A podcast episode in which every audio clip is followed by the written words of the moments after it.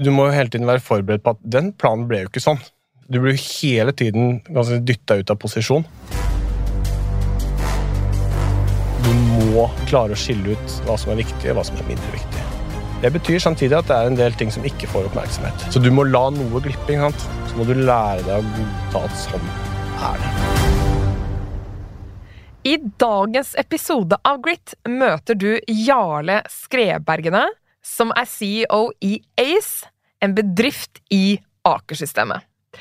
Og Jarle han har tatt eh, selskapet fra seks personer under koronalockdown til 250 ansatte i dag, altså bare på tre år. Og de har kontorer i Oslo, Aberdeen, Skottland og Houston, bare for å nevne noe. Og Aker de satser hardt på industriell eh, software og bygger på 180 år som en ledende industriaktør. Og denne uken også så åpner Aker sitt nye flagship-kontor på Fornebu, Aker Tech House. En global hub for utvikling av morgendagens industrielle software- og teknologiselskaper. Og der sitter Jarle. Og jeg lurer jo på, hva har det krevd av Jarle, og hva har det vært det viktigste for han å ta med seg som leder i en sånn vekstprosess? Hvordan skaper han mest mulig gjennomføringskraft, og hvordan er det han håndterer og blir satt ut av posisjon.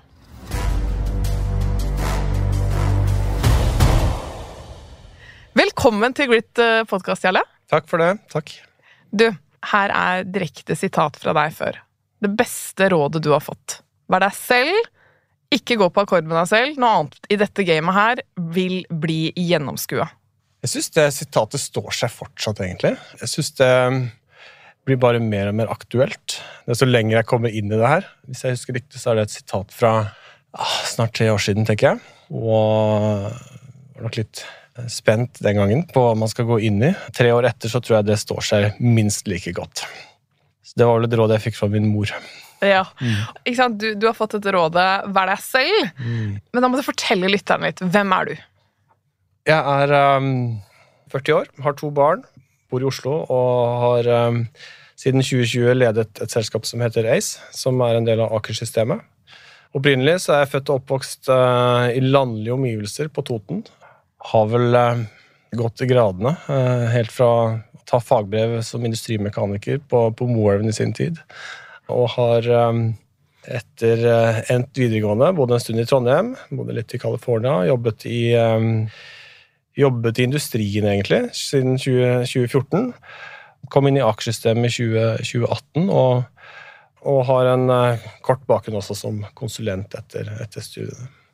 Og har nå fått muligheten til å lede en, uh, en ny satsing i Aker-systemet de siste tre årene. Per i dag så har vi utviklet oss til å bli en organisasjon på, på 250 mennesker. Og vi um, Jobber med å utvikle eh, software og programvare for effektivisering og sam bedre samhandling innenfor eh, både industri- og energibransjen. Så det er utrolig spennende. Ja, fy søren. Fordi på de tre årene, da, hvor mye har dere vokst? Vi begynte som et prosjektteam på seks personer. I eh, hvilket år var det igjen? Mars 2020. Ja. Eksakt når covid slo inn. Ja. Ærlig timing. ja. Så det, du må jo si at den reisen har gått relativt raskt? Ja. Det, Eller i hvert fall i min verden. da. Det, det er I min verden òg. Ja, ikke sant. Ok, Så når du er CEO i Ace i et så stort system som Aker, hva krever det av deg?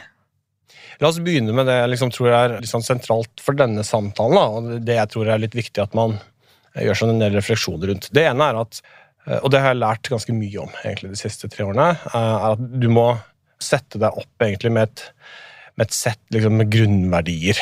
Eh, hva du står for som person, og hva, hva, du kan lene deg på i veldig mange forskjellige situasjoner. Altså Det kan være diskusjoner og, og beslutningsprosesser som går med, med utvikling av selskapet, på organisasjonsnivå, på styrenivå, på ledergruppenivå. Du må hele tiden liksom kalibrere deg set, seg selv opp mot et sett med, med, med verdier. Da. Fått et mye mer bevisst forhold til nettopp det, hvor viktig det er. Kanskje liksom gjennom spesielt de siste halvannet til to årene. Etter hvert som du begynner å bli en organisasjon som er større. Det er ganske stor forskjell i hva slags type ledelse man skal utøve i en organisasjon på si 1550 til 250 personer. Så dette med verdisetting er viktig. Jeg tror det hele tiden også krever en form for tilpassing. Du må klare å tilpasse kalles i lederstilen, eller det jeg kaller avstander, da, til både til ledergruppen din og til, til styret og, og, og, resten av organisasjonen. For igjen, den er annerledes nå enn hva den var for to og et halvt år siden. Så du må vise liksom, en evne til å tilpasse. Og kanskje det viktigste som jeg har lært meg, er liksom hvor viktig det er å lede gjennom teamene sine. Da. Det er kanskje den aller, aller viktigste erfaringen i hvert fall jeg har gjort meg de siste årene. Betydningen av det, og hvor, hvor kraftfullt det egentlig er da, når du klarer å få det til. For det er veldig fort gjort å ikke gjøre det. Ikke Hvis du er sånn som mindset. Et prosjektlederteam på seks, da kan du på en måte sette retning. Vi skal dit. Sånn, sånn, sånn. Vi gjør det. Det kan man ikke når man er 250. Nei, Men du hadde jo erfaring fra konsulentbransjen fra før av, og jobbet med ledelse der også. Men dette å drive Ace fra et prosjektteam på seks til nå å være over 200 pers, vil du si at det er den største ledertest noensinne? Ja, definitivt. Er det ekstremsport? Jeg har kalt det det før, men det var en litt annen type kontekst. Fordi at samtidig da, som man prøver å, å gjøre dette, og man legger egentlig opp hele si, livet sitt og hverdagen sin og prioriteringene sine deretter. Akkurat nå skal vi lykkes med ACE. Det er min hovedprioritet. Men så har jeg en hovedprioritet til. Jeg har fått i den perioden også to små barn. Det har ikke gitt liksom mer fleksibilitet i hverdagen, det, men det gir et helt annet Ærlig det, det, gir liksom et helt annet perspektiv på ting. Ja. Og den balansen som jeg har behov for. da. Ja. Altså, Det er det viktigste. Men jeg synes det er spennende. Jeg spør deg, Hva krever det av deg? Du sa jo, du må ha ganske klart verdisett med deg inn i den reisen. Og det andre er at du må være ganske god på å være tilpasningsdyktig. Og da lurer jeg jo på, altså, hva er dine viktigste verdier? Du er en mann fra Toten. Ja. Jeg tenker, og jeg kjenner deg litt fra før jeg skal avsløre altså, Du er en jordnær type ja. i et veldig sånn corporate miljø. Så, mm. så liksom, det er litt spennende å høre hvilke verdier du tar med deg inn i, i dette her. Ja, jeg er ganske bevisst på det, faktisk. Det gjør det i hvert fall liksom, for meg litt enklere å, å, agere i en del situasjoner som er vanskelige, sånn som er krevende. Jeg er veldig opptatt av uh, rettferdighet. Jeg tror det kommer fra oppveksten man har, og den familien man har vært en del av, og, og de, liksom, de, grunnverdiene. Jeg klarer ikke å se på at folk blir behandlet urettferdig. Over tid så gir det deg liksom en sånn en god feeling med hvordan du skal håndtere en del situasjoner. Det tror jeg liksom, Du har et sånt kompass som sier at ok, det er rettferdig at du går den veien. Du behandler folk rettferdig. Så må man prøve å skille mellom rettferdighet tror jeg, og det å stille høye krav. For jeg stiller jo høye krav til de, til de rundt meg og forventer mye. Og på samme måte som de forventer mye til meg. Men oppfølgingen skal uansett være fair og rettferdig. Så det, er, det, er liksom, det må ligge i bunnen. Og så en annen eh, holdt på å si, bondsk verdi. da. Det er, det, dette må være troverdig, og ikke far med løgn. Altså, det å være ærlig, redelig, men realistisk i tilnærmingen, enten det gjelder liksom egen organisasjon eller mot eksterne kunder, eiere, det er altså helt sentralt for langsiktig suksess. Så må jeg få lov å si, det er jo, Selv om man er fra Toten, så må det være lov å si at vi ønsker å bli best i verden. For det er målet Klart. med det vi holder på med. Ja, ja. Det, vi skal ligge der. Der ligger ambisjonsnivået. Men innenfor akkurat det området vi driver, der skal vi være best. Det er ikke noen selvmotsigelse i det å ha de kalles i verdiene, og det å være realistisk og alle disse tingene her, mot å ha den ambisjonen. Fordi du er også kjent for å være kompetitiv. Altså, du liker konkurranse. Eh, ja. Ja. ja. Men eh, eh, litt tilbake til det du sier med også at vet du hva, det krever også at eh, du som menneske også er tilpasningsdyktig. Og det er det jo liksom nå er det en ferdighet jeg altså tenker alle i arbeidslivet må ha i dag, så er det at vi liksom vi må tilpasse oss, og det er kanskje raskere enn noensinne, da, fordi teknologien også går så raskt. Mm. Men hvordan jobber du litt konkret med det der i hverdagen å tilpasse deg litt aktivt? For jeg har jo litt den hypotesen at flere hadde også gjort det, hvis de visste litt rann, hvordan. Hvordan er det man kan tenke rundt endringer? Mm. Det er et område jeg er veldig nysgjerrig på. Jeg har vært nysgjerrig på det i mange mange år. For liksom, her tenderer du inn mot kall si, både mental trening, konkurranseaspektet. Jeg jobber med det her liksom aktivt hele tiden. Og det å være mentalt sterk henger for meg veldig nøye sammen med å være i fysisk aktivitet. Veldig liksom sammenheng mellom de to tingene.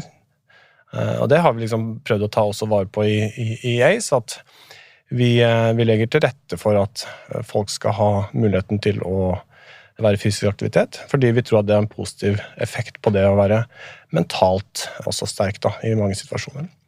Hvordan jeg jobber med det liksom, til daglig, det handler egentlig om å være god til å planlegge, selvfølgelig. Og du må ha en plan, og du må hele tiden liksom ha jobbet deg gjennom de tingene som skal skje de neste dagene. Ok, det, det klarer de aller fleste av oss. Men så er det jo sånn at du må jo hele tiden være forberedt på at den planen ble jo ikke sånn. Du blir hele tiden ganske dytta ut av posisjon.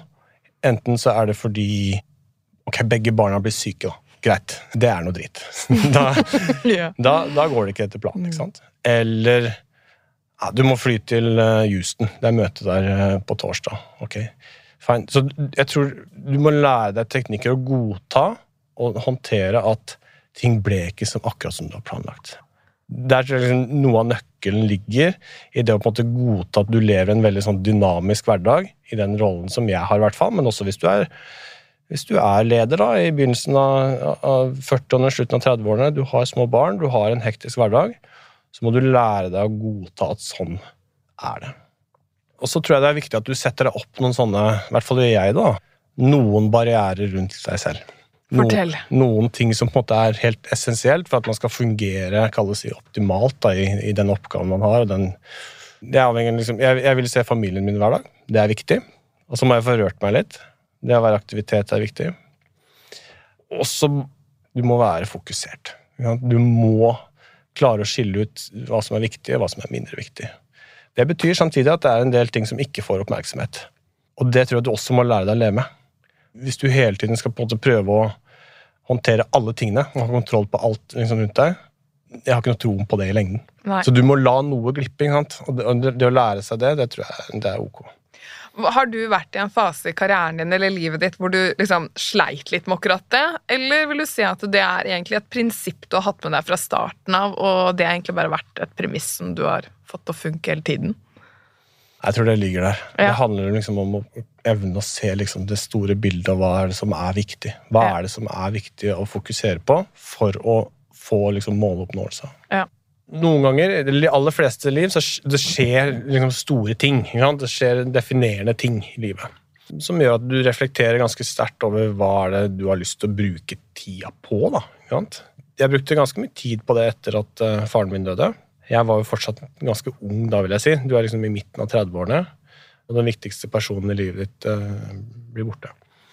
Da brukte jeg i hvert fall den situasjonen da, til å tenke ganske nøye gjennom ok, dette er jo litt skjørt.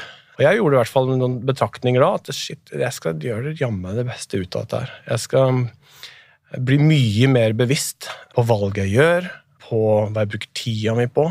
Og det vekket liksom en sånn form for motivasjon da, i å få til ting. Det er så mange ting som vi bruker så mye tid på, som jeg tror ikke er relevant. Det å bli bevisst på det, hvordan du bruker tida di, det fikk et helt annet liksom, forhold til etter den fasen her. Ja. Så det er vel en del av det å være mentalt sterk til å bli mentalt skikkelig robust. da. Så bruker jeg ofte liksom, den fasen der som et referansepunkt. Mm, som kan gå tilbake og kjenne på det. Ja. Kan jeg spørre deg, etter det, mm. hva du eventuelt ga slipp på? Fordi du kom til en erkjennelse eller kjente at det, dette gagner ikke meg, eller dette er ikke noe som gir meg den verdien som jeg ønsker å ha med meg videre? Ja, definitivt. Ja. Eh, og da skiftet jobb umiddelbart. Ja, ja, ja men du gjorde det. ja, det var et verdivalg der. Ikke sant? Mm. Følte at dette er jo ikke det jeg vil drive med. Og kom heldigvis inn i Aker, som hadde et mye mer skapende mindset. Helt andre typer personer vil få ha familie selv. ikke sant? Den type ting. Ganske store ting, da. Ja, ja. Jeg synes det er veldig fint å si. Ja. Liksom, skal du få til noe, så må du også gi slipp på andre tingene. Og jeg vet også, du har sagt tidligere at når man bruker så mye tid på jobb og et prosjekt som det ACE er, da, så blir det også en form for livsstil. Og det ser jeg gjennomgående for veldig mange av gjestene i Grit, at mm. Eh, de ser på jobben som en livsstil. Og så sa du også da det er godt å ha kommet til den erkjennelsen. Og det er jo litt den derre Jeg, jeg syns jo også at aksept er et viktig mentalt verktøy, da, når du på en måte stopper å bruke mye energi på ting som du må liksom ikke få gjort noe med uansett, så frigjør du mer energi. Så jeg tenker sånn Vi lever jo i en litt spesiell tid nå. Mm. Og det er jo også veldig mange både oppstartsbedrifter og også litt sånn scaleups etc. som sliter big time nå. Mm. Hva tenker du de må akseptere eller erkjenne, for så måte å faktisk frigjøre energi til å få brukt seg selv og få mer ut av potensialet til selskapet? Det er en erkjennelse jeg har hørt meg. Det er en del ting du får gjort noe med, og det er en del ting du ikke får gjort noe med. De tingene du ikke får gjort noe med, det må du bruke null energi på. Og de tingene du får gjort noe med, så må være veldig flink til å ta ut de tingene som faktisk betyr noe for at du skal drive ting fremover. Som regel så har jo alle selskaper, uansett om de er små eller store, satt seg noen mål og noen prioriteringer. Som regel handler det om at man skal eh, enten lykkes med produktet sitt, eller man skal lykkes med organisasjonsutviklingen sin, kommersiell vekst. Det har ikke noe sånn silver bullet på liksom hvordan, okay, hvordan manøvrere i et eh, krevende marked.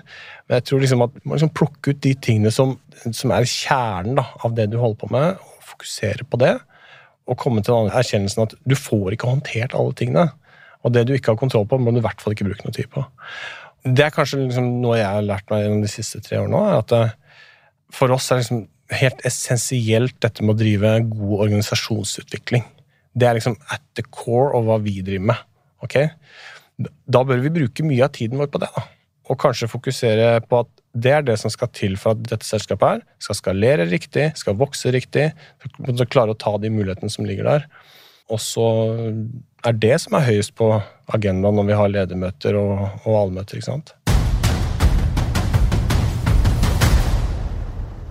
TrippelTex er et veldig fleksibelt eh, regnskapsprogram som passer for alle, og med over 100 000 kunder så er det også Norges mest brukte regnskapsprogram.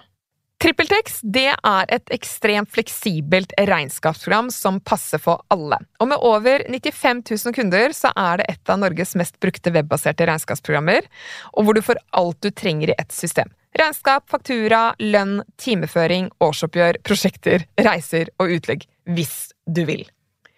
Og som bedriftseier er jeg alltid ute etter å effektivisere hverdagen min og til de ansatte. Derfor er TrippelTex et system som jeg synes tilrettelegger veldig godt for det. Både i forhold til vekst, det henger med på reisen, og er hele tiden verktøy som tilrettelegger. Og det andre er at jeg ikke må inn på nettbanken for å utbetale lønn. Jeg kan nærmest flytte banken inn i TrippelTex og frigjøre mye tid. Betale regninger, lønn direkte fra systemet, uten å gå via nettbanken altså. Og i tillegg så kan jeg se disponibel saldo, utgående og avviste betalinger, og du kan godkjenne betalinger og få automatisk bankavstemming hver eneste dag. Har du lyst til å prøve TrippelTex? Da kan du gjøre det ved å gå inn på trippeltex.no slash gratis, og så får du testet systemet helt uten kostnader i 14 dager. Grit handler jo om å oppleve et mål så attraktivt at det på mange måter organiserer hverdagen din. Mm. Og det er jo da jeg liksom lurer på din visjon i arbeidslivet, sånn uavhengig kanskje av ACE også. Hva er det som driver deg? Jeg vet at et stikkord fra før av du har nevnt, er jo dette med at du liker å skape ting. Ja. Men fortell litt mer. Jeg har alltid vært glad i å jobbe. Det er sånn, Jeg skal ikke si at det var en hobby når man var, når man var, eh, var yngre, men, men så, sånn var det på en måte i, i, i, min familie. og der Vi vokste opp, der vi jobbet mye. Alltid vært glad i det. Aldri vært redd for å jobbe mye. Så liksom den arbeidslysten ligger liksom i bunn. Det, det å ønske å, å, få til noe, skape noe. Og så har jeg alltid vært glad i å sette målsetninger. Alltid vært glad i å drømme etter ting. Det å klare liksom å sette det inn i et system, da klare å bryte det ned i hva er det som egentlig er, eh, er viktig her. Og da har jeg liksom kokt ned på at ja, det å skape noe sammen med andre som i hvert fall i våre øyne oppfattes som, som en suksess, er viktig. Jeg hørte en podkast her en gang med holdt på å si en kollega av deg, i hvert fall driver i samme bransje, som sa liksom at jeg er trøtt om morgenen, men jeg legger meg alltid motivert. Jeg synes egentlig var litt godt sagt, for det gjør jeg òg. Sånn, du har en sånn indre drive at ja, i morgen da skal vi få til det. I morgen skal vi få til det. Det tror jeg ikke er så lett å få til, med mindre du har gode mennesker rundt deg som har lyst til å gjøre noe av det samme. At Du har et godt team rundt deg, som igjen har sine team. Men jeg synes det var utrolig fascinerende var liksom med god, god, organisasjonsutvikling, og at det kan ta deg til i form av liksom måloppnåelse. Men på vei på disse målene så møter du på motstand. Grit handler jo igjen om å holde fast på det målet, selv om du møter på motstand. Mange mennesker som sier 'det her får du ikke til', 'dette går ikke', 'dette er urealistisk'. Prøver å flytte deg ut av posisjon, da, som du sa sist. Mm. Hva sier Jarle til seg selv da, når eh, de testene kommer? Hva er den indre dialogen? For det første kan jeg si at jeg bruker veldig mye tid på indre dialog. Og det er vel en del av kalles mentaltreningen. Det er et konkurranseinstinkt der. ikke sant? Mm. Som på en måte, du, du sier noen ting til deg for å tenne liksom den, den gnisten i at nå skal du oppnå det. Nå skal vi få til det. Ikke nødvendigvis nå skal vi vise de, liksom. Det er ikke det det, handler så mye om. Men å komme opp på dette rette spenningsnivået. da. Jeg bruker mye tid på å visualisere ting. Tenke gjennom situasjoner. Kjenne på hva slags type følelse man ønsker å ha i visse settinger. Tror det er viktig en del av liksom det å være mentalt robust. da. Jeg er bevisst på det. Jeg er bevisst på verdigrunnlaget. Jeg er bevisst på hva er målet. Ok, Hva er det liksom uttalte målet? Jo, vi skal bli best i verden på det vi holder på med. Akkurat det lille brikken i verden vi holder på med. Brutt ned i kalles et sett med kortsiktige og langsiktige målsetninger. Så hvis man klarer å liksom lene seg på det hver gang du liksom blir utfordra på ting For det er jo dager der begge unge er sjuke, lederteamet er eh, misfornøyd med deg, kunder har sagt eh, vi må ha litt lengre tid. Det er sånne dager hvor, hvor det er ikke liksom opp til knea, men opp på, opp låret. Og da, da tror jeg det er sunt da, og lurt at du har liksom et sett med sånne, sånne ting du kan lene deg på. Og at du også har mentalt eh, liksom, tenkt igjennom at sånne situasjoner, det kommer til å oppstå. Og da blir du ikke tatt uh, så off guard, da. Nei, nei. ikke sant? Og, du, og så var jo jeg, da, i sånne situasjoner. Jo, som regel så har du behov for å tenke litt. Snakke med noen du har rundt deg, om det er kona eller om det er noen i lederteamet. Du sparrer litt. Det tror jeg er viktig. Få litt råd, søke innsikt, for du står som regel ikke alle disse tingene aleine. I mitt tilfelle få seg en treningsøkt. Ja. Men det jeg synes er kult med det du sier, er at du har en veldig en bevisst forhold til det, og du sier at eh, for å gå fra det standpunktet kanskje hvor du blir prøvd, i hvert fall, og Mm. blir forsøkt dytta ut av posisjon, så har du en holdning til at du må aktivt jobbe med det for å holde stand, da, eller komme framover. Jeg har en opplevelse at noen ganger så håper mange at det bare skal komme litt av seg selv. ikke sant? Mm. Jeg synes det er veldig fint at eh, du og mange av gjestene sier at det er noe jeg aktivt må jobbe med Ja. eh, for å komme fram til den offensiviteten eller konstruktiviteten i meg selv. da. Det tror jeg gjelder mange som har lederansvar. Det ligger en sånn problemløser i bunn. Altså, Du føler eierskap til problemstillingene, og så må du håndtere det. Kunsten i å få ting gjort er ofte også noe av nøkkelen til liksom å komme videre. Du har jo i Aker-systemet også et sett med veldig mange andre sterke mentaliteter. Og jeg har gitt opp å få røkke på denne podkasten her, så jeg må liksom spørre deg, da. hva, hva har du lært av en gründer av det kaliberet? Aker er på mange måter et, et fantastisk organisasjon, et kompetanseorganisasjon, som har liksom lang historikk i å utfordre, lykkes, utvikle gode organisasjoner, gode ledere. Har jo en sånn type samfunnsposisjon. Så det i seg selv er jo ordentlig kult å være en del av. Jeg følte at brikkene falt litt på plass når jeg kom inn i Aker-systemet i forhold til dette her med å tenke liksom offensivt og, og fremoverrettet og utfordre ting for meg da, som ung leder, og for mange andre også unge ledere i Aker, så er det jo Du får jo muligheten til å jobbe med de beste, på en måte, innenfor sitt virke. Det er jo de beste lederne, i hvert fall i min bok, da, sånn, sånn som vi har.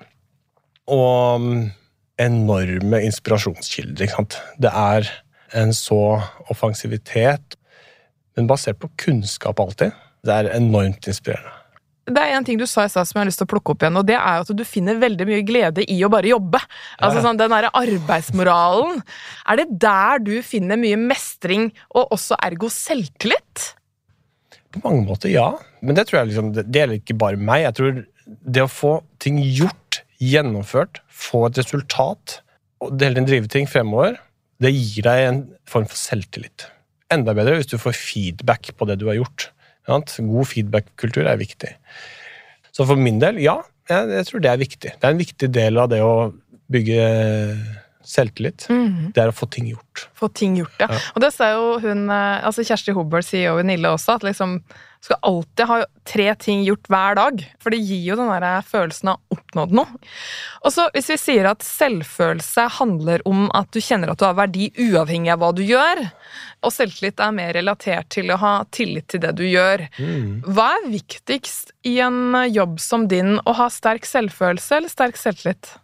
Sånn jeg ser på det, liksom disse to tingene veves litt inn i hverandre. men men, men, selvtillit er jo gjerne noe du, du, bygger deg opp. ikke sant? Du bygger det opp gjennom oppnåelse av ting, eller du får god feedback fra familie eller organisasjon eller på ting du gjør. Og du gradvis liksom lykkes med ting. ok? Hvis du sier da, du, tre ting jeg skal gjøre i dag, og du får til alle tre, ja, da, ok, greit. Det bygger en viss uh, selvtillit på at du får, uh, får ting gjort. Selvfølelse, da det handler vel litt om å stå, stå litt godt i, skoa sine. Og um, huske på hvor man kommer fra, og hva slags uh, verdigrunnlag som ligger i bunn. Jeg tror det er litt sentralt. altså Skal du liksom klare å få de rette distansene til, til både det og hva slags person du ønsker å være, hva slags leder du ønsker å være, og hva slags uh, familiefar du ønsker å være. Så alt veves litt sammen, men um, det å stå litt godt i skoa sine tror jeg er lurt. Og siden vi også blir enormt mye påvirket av de vi har rundt oss, mm. så lurer jeg på Her er noen liksom strengere med seg selv enn andre. Hvor bevisst, eller kall det også kanskje i extended grad, nådes er du på å ta kontroll på hvem, hva slags mennesker du har rundt deg? På det mest kyniske, da. Hvis du legger deg der først. Så tenker du at ok, jeg skal oppnå et sett med mål, og dit skal jeg. Ok? Hvem trenger jeg med meg for å få til det? De og de og de. Og så kan du løpe etter det. Jeg er usikker på om det gir deg kall det si, den balansen som, som i hvert fall for meg da, er, er, nødvendig. For min del så er jeg i hvert fall avhengig av å ha eh, god balanse i kall det si, ikke bare i livet, men kanskje mer sånn i inntrykk. Ikke sant? Det, det tror jeg er litt lurt. Jeg tror det er bra å få balanse i hva slags type impulser og inntrykk du får. Hva slags mennesker du er sammen med. da det er et stykke fra det å ta sveisesertifikat på Moelven bruk og de menneskene du er sammen med der, til det vi holder på med nå. Og jeg liker godt å bruke tid med venner hjemmefra. Jeg liker godt å bruke tid med, med teamet mitt i Oslo. Og jeg liker godt å bruke Altså, jeg tror ikke noe på denne her med bare å holde liksom i den, i den, på den kyniske siden. Jeg tror det, Der går du til slutt på akkord med deg sjøl, da hvis du ikke klarer å holde den balansen i hva slags mennesker du har rundt deg. Du, Vi må snakke litt om eh, holdning til det å gjøre feil. Fordi at jeg vet at det er liksom frykten for å gjøre feil som veldig ofte holder folk igjen fra å tørre å gå på, for ambisiøse mål. Og hva et ambisiøst mål også er, for å si det, kjære lytter, det kan jo være veldig forskjellig fra person til person også. Men hvordan forholder du deg til feil, Jarle? Før så var jeg litt redd for det. Først var jeg redd for å gjøre feil. Ja. Mens nå jeg skal ikke si at man omfavner det, men man ser liksom at det er en helt naturlig del av det å drive utvikling. Eh, en av de første tingene som jeg ble fortalt når vi diskuterte om jeg skulle få jobben eller ikke, var at du kommer til å gjøre feil. Du kommer til å gjøre feil, så det eneste vi forventer deg, er at du, at du på en måte lærer av de. Og den kulturen der Ok, jeg skal ta et eksempel. da. I går så var det Oppskyting er liksom SpaceX-test eh, nummer to på denne raketten som skal ta det til månen. Den første raketten eksploderte, den andre eksploderte. Og det jubler som besatt. Det er en suksess. Vi har lært så mye. Har liksom, nå har vi den type data. Nå kan vi forbedre oss til neste gang. Nå er det liksom ekstremvarianten, da, vil jeg si, av å, av å si, ha en uh, fail fast-kultur. Hos oss så er det i hvert fall Vi forsøker å legge mest mulig til rette for at det er selvfølgelig aksept for å gjøre feil. Og så må vi klare og evne å ha prosesser eller en kultur for at man lærer av det. Jeg gjør feil hele tiden, men hvis jeg gjør de samme feilene opp igjen, opp igjen så er det jo Da må man begynne å tenke om. Da. ja.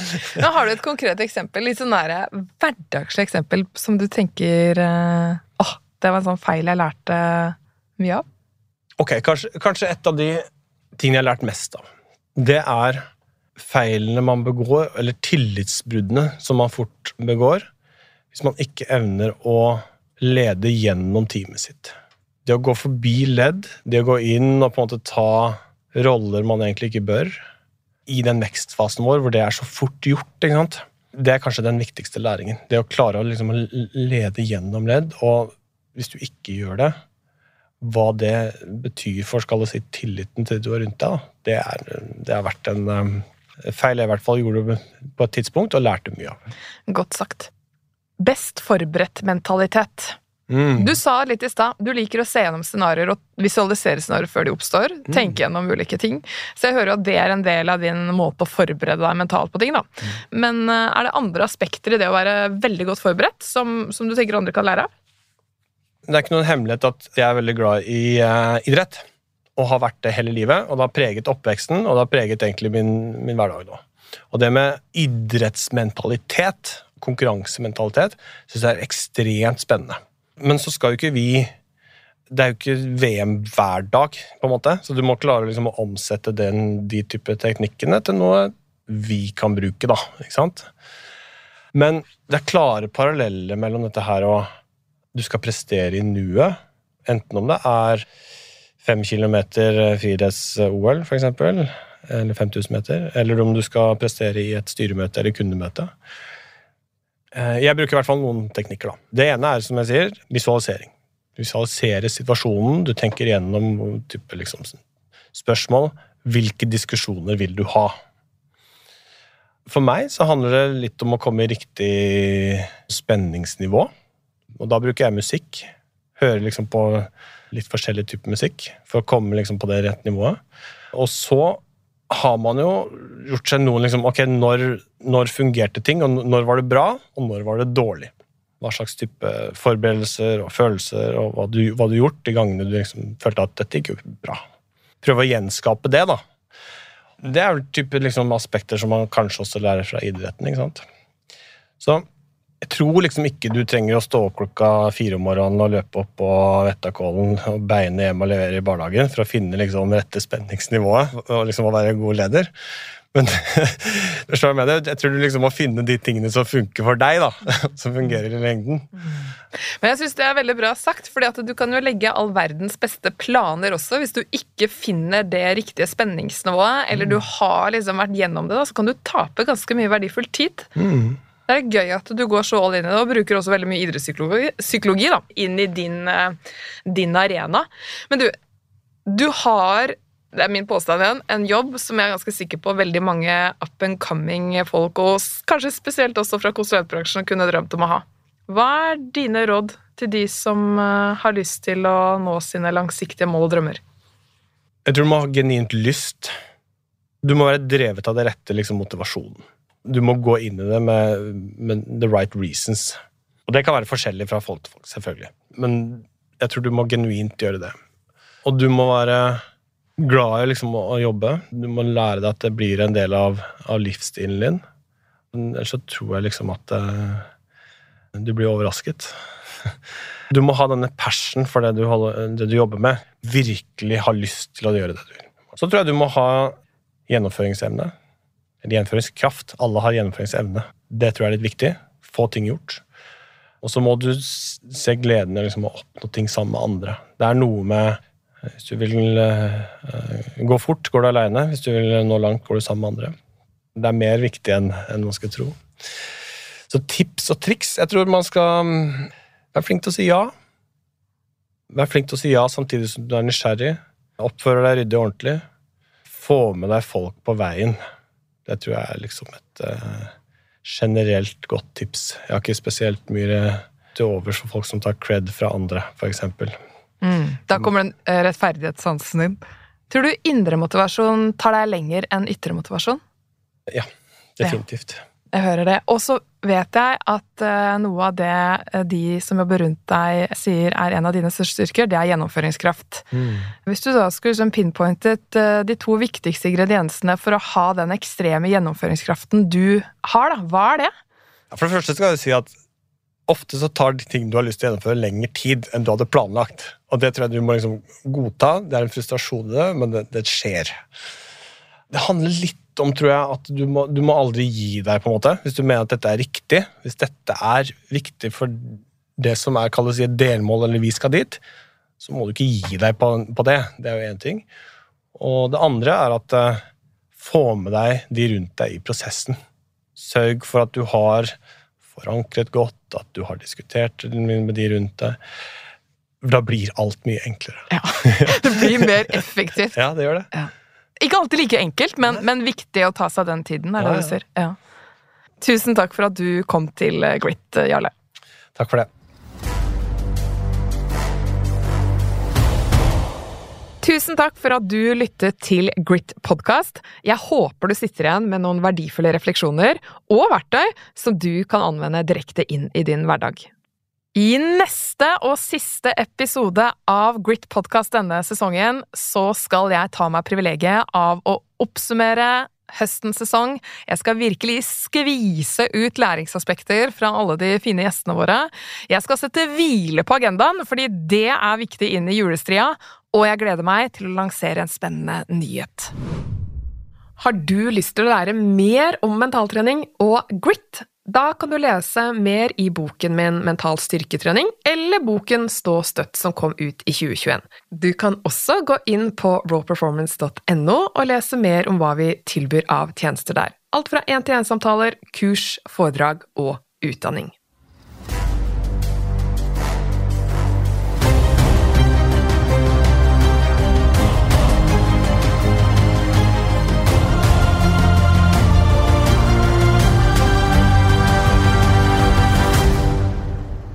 Denne podkasten er produsert av Monster Podkast for Raw Performance.